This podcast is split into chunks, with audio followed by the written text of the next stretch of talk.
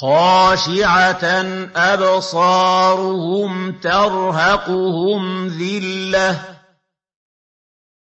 وَقَدْ كَانُوا يُدْعَوْنَ إِلَى السُّجُودِ وَهُمْ سَالِمُونَ فَذَرْنِي وَمَن يُكَذِّبُ بِهَٰذَا الْحَدِيثِ ۖ سَنَسْتَدْرِجُهُم مِّنْ حَيْثُ لَا يَعْلَمُونَ. وَأُمْلِي لَهُمْ ۚ إِنَّ كَيْدِي مَتِينٌ. أَمْ تَسْأَلُهُمْ أَجْرًا فَهُم مِّن مَّغْرَمٍ مُّثْقَلُونَ؟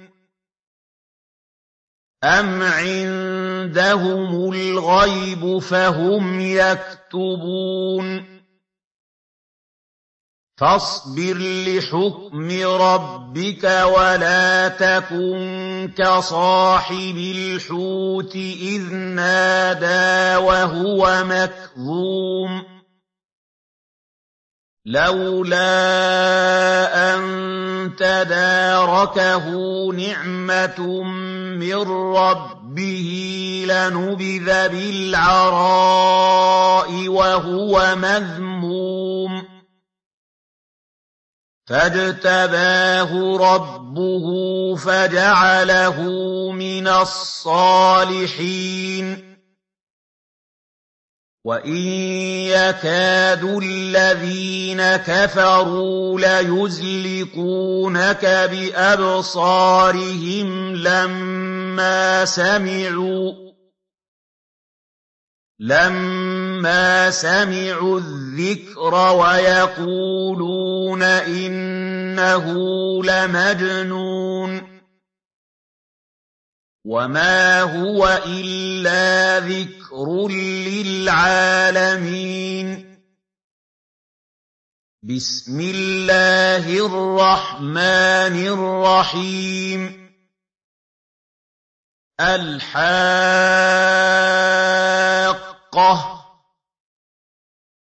مَا الْحَاقَّةُ؟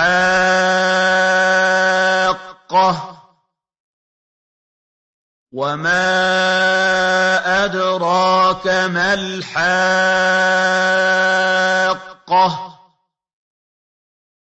كَذَّبَتْ ثَمُودُ وَعَادٌ بِالْقَارِعَةِ. فَأَمَّا ثَمُودُ فَأُهْلِكُوا بِالطَّاغِيَةِ وَأَمَّا عَادٌ فَأُهْلِكُوا بِرِيحٍ صَرْصَرٍ عَاتِيَةٍ سَخَّرَهَا عَلَيْهِمْ سَبْعَ لَيَالٍ وَثَمَانِيَةَ أَيَّامٍ حُسُومًا